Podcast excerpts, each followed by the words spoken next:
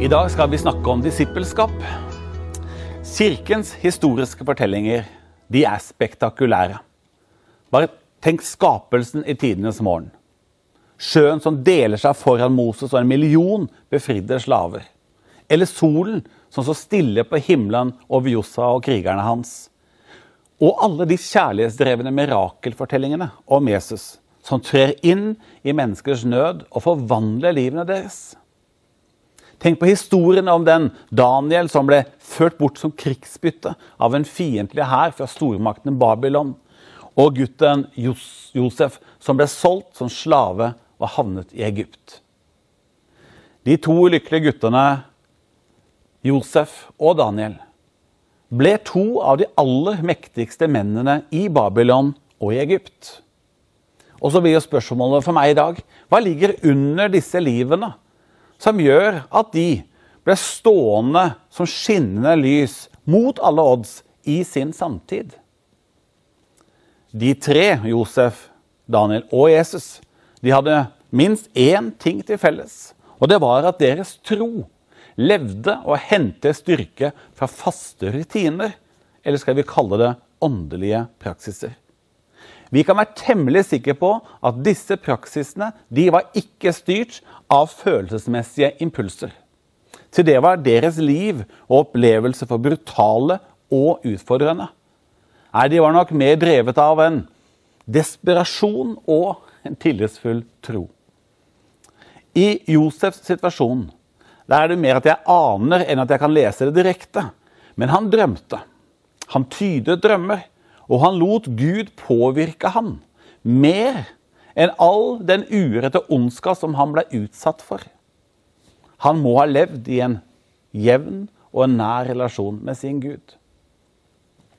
I Daniels situasjon ser også jeg at eh, alt ligger til rette for at han skal miste både sin tro og sin trygghet og falle sammen som et knust og et trist menneske.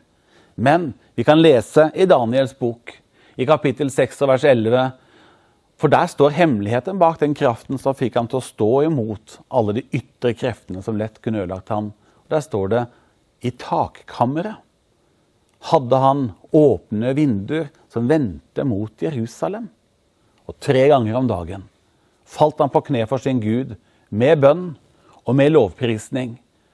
For slik hadde han alltid gjort.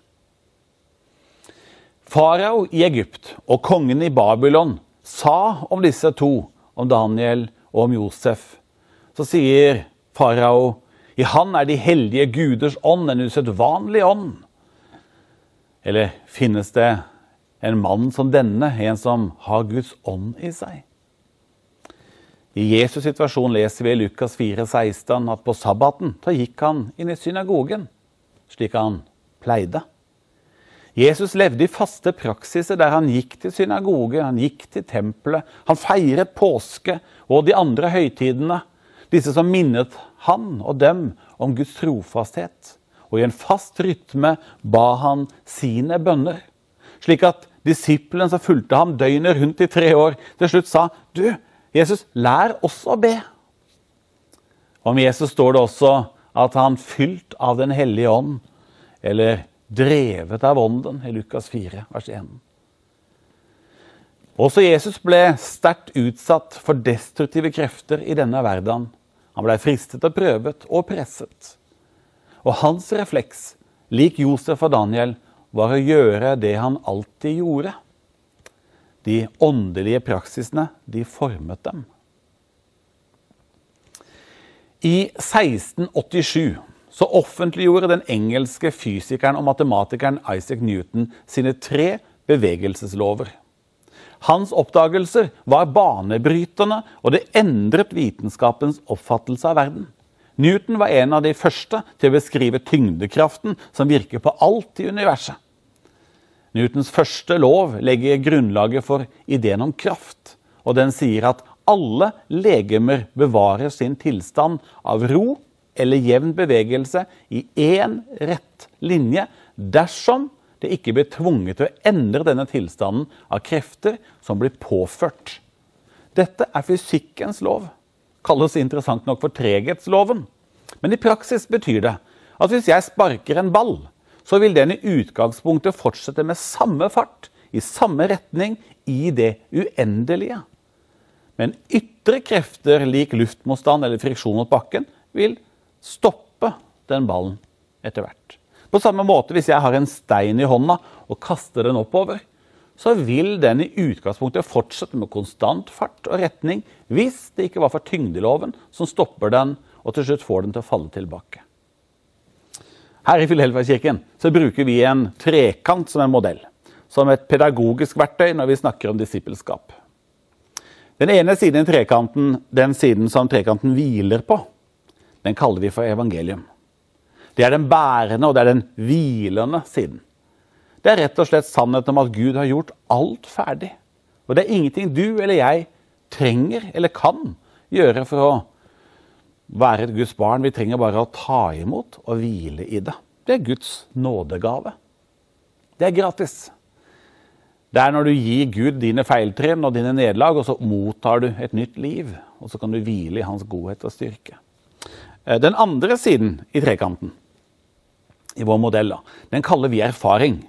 Det er når kjærlighetens Gud Husk at Kjærlighetens Gud det er en som har behov for å uttrykke kjærlighet. Han vil at vi skal bli kjent med han erfare han, høre han og kjenne han, bli ledet av han, bli fylt av hans fred, hans glede, hans kraft.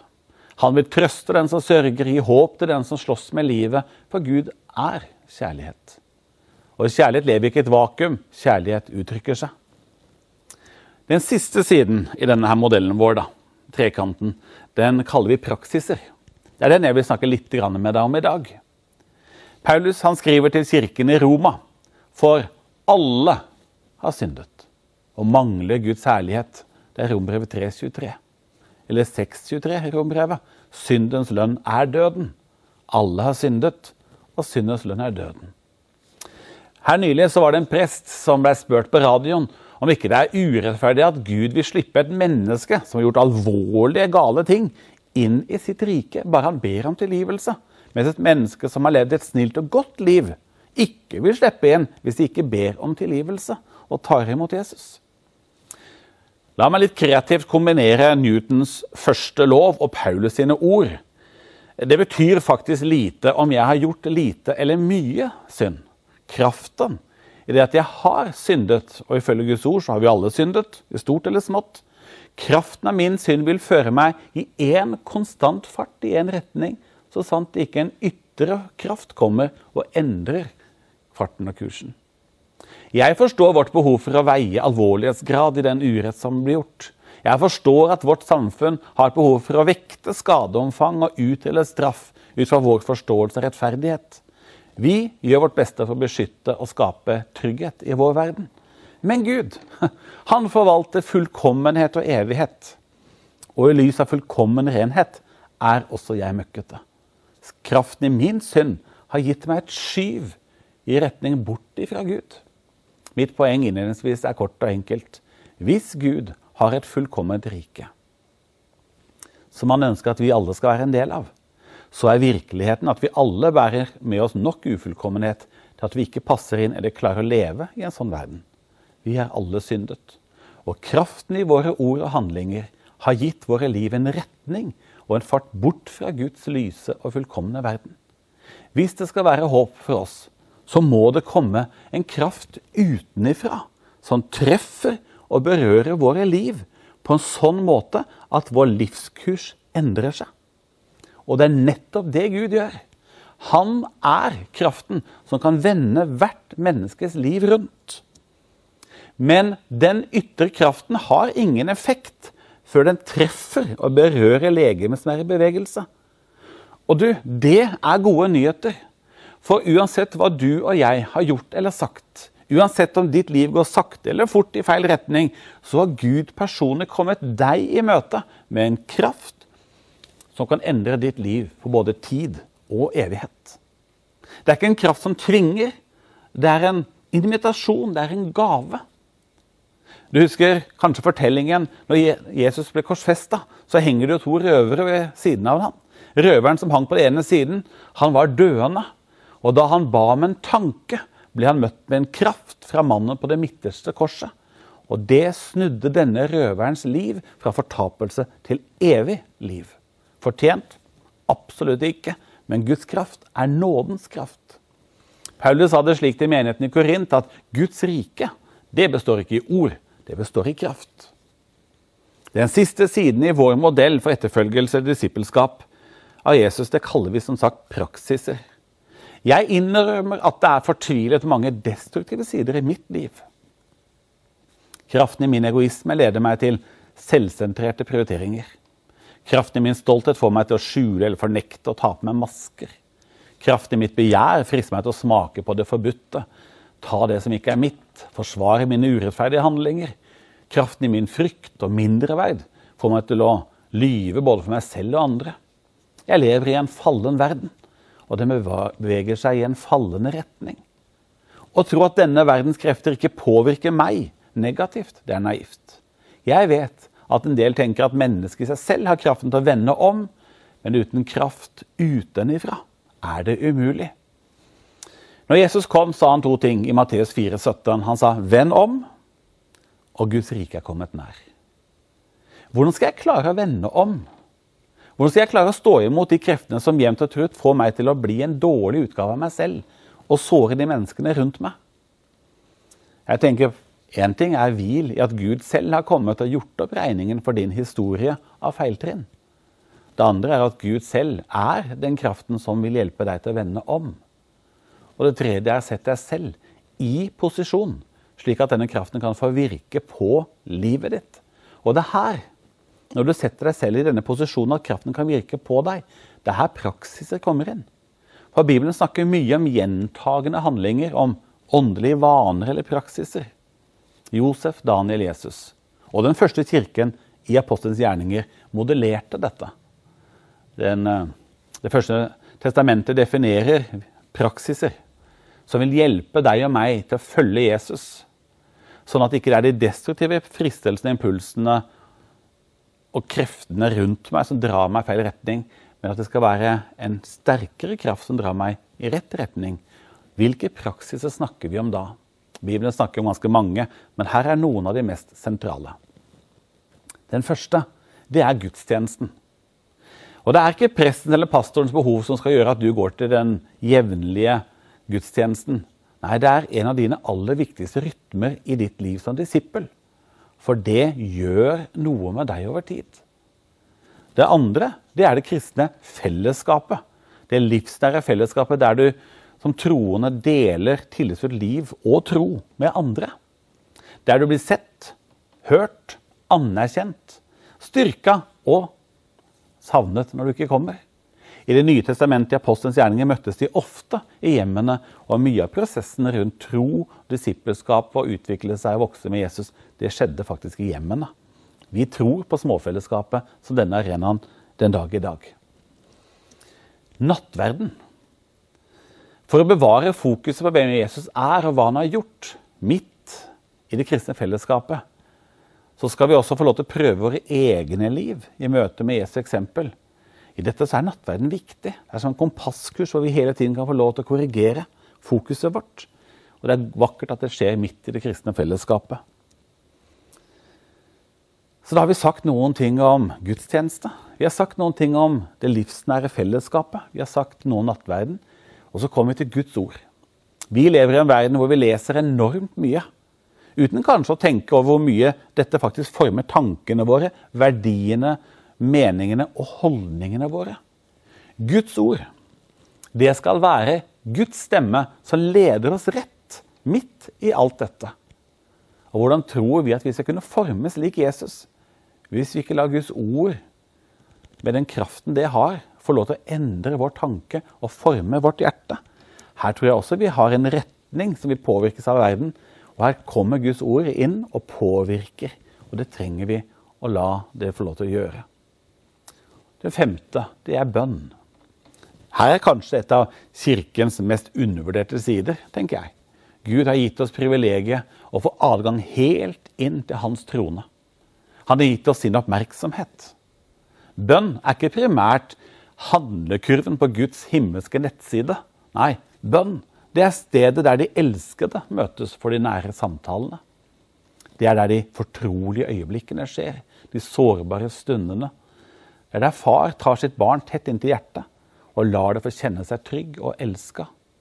Husk at bønn forandrer jo ikke Gud, men det forandrer deg og meg. Og den siste praksisen, det er tjenesten. Jeg har lyst til å si, Undervurder heller ikke hvor mye du formes av å bruke dine evner i Guds tjeneste. Slapp av, ingen har alle gaver, og ingen kan dekke alle behov. Og ingen gjør alt riktig. Men ditt bidrag kan forandre ett menneskes hverdag og ett menneskes liv. Jeg er en stor tilhenger av åndens gaver. Jeg tror på at Gud helbreder. Jeg tror på profetiske ord, kunnskapsord, hvor Gud kan åpenbare ting som ikke jeg vet, men som kan være med å hjelpe et annet. Jeg tror på hjelpegaver, styringsgaver. Jeg tror på disse gavene som Gud gir oss. Jeg tenker at de primært skal leves ut i berøring med menneskers nød og behov. I Filadelfia-kirken så sier vi at vi vil leve ut det overnaturlige på en naturlig måte i møte med menneskers behov. Du formes i det Guds kjærlighet og hans kraft virker gjennom deg til andre. Og gjennom å tjene andre peker ditt liv på Han som former deg. Men husk at du er ikke det du gjør, du gjør det du er. Så la Gud forme deg og fylle hjertet ditt, så du naturlig gjør det du er. Jeg kunne nevnt flere praksiser som dåp og faste og salve de syke andre, men jeg velger å bare la disse seks stå der. Det interessante med praksisene det er at de virker mye mer og mye dypere enn det det føles som. Er det alltid like givende å lese Bibelen? Er det alltid like inspirerende å be? Er gudstjenestene våre alltid like motiverende? Oppleves nattverden like meningsfull hver gang? Svaret er nok nei. Men de åndelige praksisene de handler om å sette oss selv i en posisjon der Guds ånd kan få virke i oss. Og vi hjelpes til å bevare et rett fokus på Gud gjennom alle livets sesonger og øyeblikk. For vi formes jo vet du, av det vi gjør over tid. For hvert menneske er det et valg om det vil ta imot Jesus som herre og redningsmann i sitt liv. Men dette handler jo ikke om et, et øyeblikk i livet, men det handler om en livsprosess. Det er denne prosessen, etterfølgelsen av Jesus, vi kaller for disippelskap. En prosess som berører alle sider av livet. Og den er en tillitsfull prosess, hvor vi lar Guds ånd, Guds kraft, få tilgang til stadig nye rom og sider i mitt liv. Det er ikke alltid like lett, men Guds tanker for oss er gode tanker. Det er Guds ånd, det er Guds nådefulle kraft som hjelper oss å gjøre det vi ikke klarer selv. Og det er en kraft utenfra som gjør forskjellen. Før i tiden gikk man ut til elven eller til brønnen og hentet vann. Vi er jo mye mer heldige, for vi har innlagt vann. Men kilden til vannet er fortsatt utenifra. Det er ikke vår kraft, men det er Guds kraft. Og denne prosessen, den forutsetter faktisk at vi lever i åndelige praksiser. Vi vet jo at vi i livet ellers formes av det vi leser, og de relasjonene vi lever i, og de vanene vi har. Skulle vi ikke også la Guds ånd få samme mulighet til å forme oss? Det var en biskop på 1300-tallet. Han sa det slik dag etter dag. Så er det tre ting jeg ber om. Det er å få se min Gud tydeligere, for å elske Han dypere og for å følge han tettere. Å leve de åndelige praksisene gjør oss og meg mer bevisst og fokusert på kjernen av det jeg tror på. Det forankrer meg i et liv i Gud, og det gjør meg mer følsom for åndens formende prosesser i mitt liv. Det er også en viktig ting og et viktig perspektiv at flere av disse praksisene de er ikke bare individuelle og private, men mange av dem skjer midt i og sammen med det kristne fellesskapet.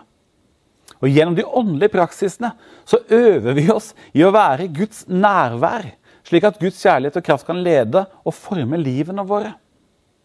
Gud har sagt at han er nærværende og virker gjennom gudstjenesten. Gjennom det kristne fellesskapet der to eller tre er samlet i mitt navn, er jeg midt iblant dere, sa han. Han virker gjennom ordet, gjennom bønnen. Det å leve de åndelige praksisene handler egentlig ikke så mye om hva vi gjør, men det handler veldig mye om hva Gud gjør. Og selv om vi ikke nødvendigvis føler at dette løfter oss til himmelen hver gang, så virker Guds ånd utrettelig på oss når vi utsetter oss for himmelrikets kraft, for åndens virke i vårt liv. Hensikten med å leve som disippel i de åndelige praksisene er ikke å prøve å gjøre Gud fornøyd. Nei, det går mye dypere enn det. Det handler om å la Gud få virke i oss og gjennom oss, slik at vi formes mer og mer lik Jesus. Det handler ikke om hva vi gjør for Gud, men, lar, men hva vi lar Gud gjøre for oss og i oss. Og jeg tenker Når jeg nå velger å leve i de åndelige praksisene, så velger jeg å være litt som leiren i pottemakerens skapende gode hender. Og jevnlig velge tillitsfullt å overgi meg selv i skaperens hender. Og si du må få lov til å forme meg. Du må få lov til å danne meg mer lik deg for hver dag som går. Derfor er de åndelige praksisene viktige. Gud velsigne deg, Han som er nær deg og med deg. Amen.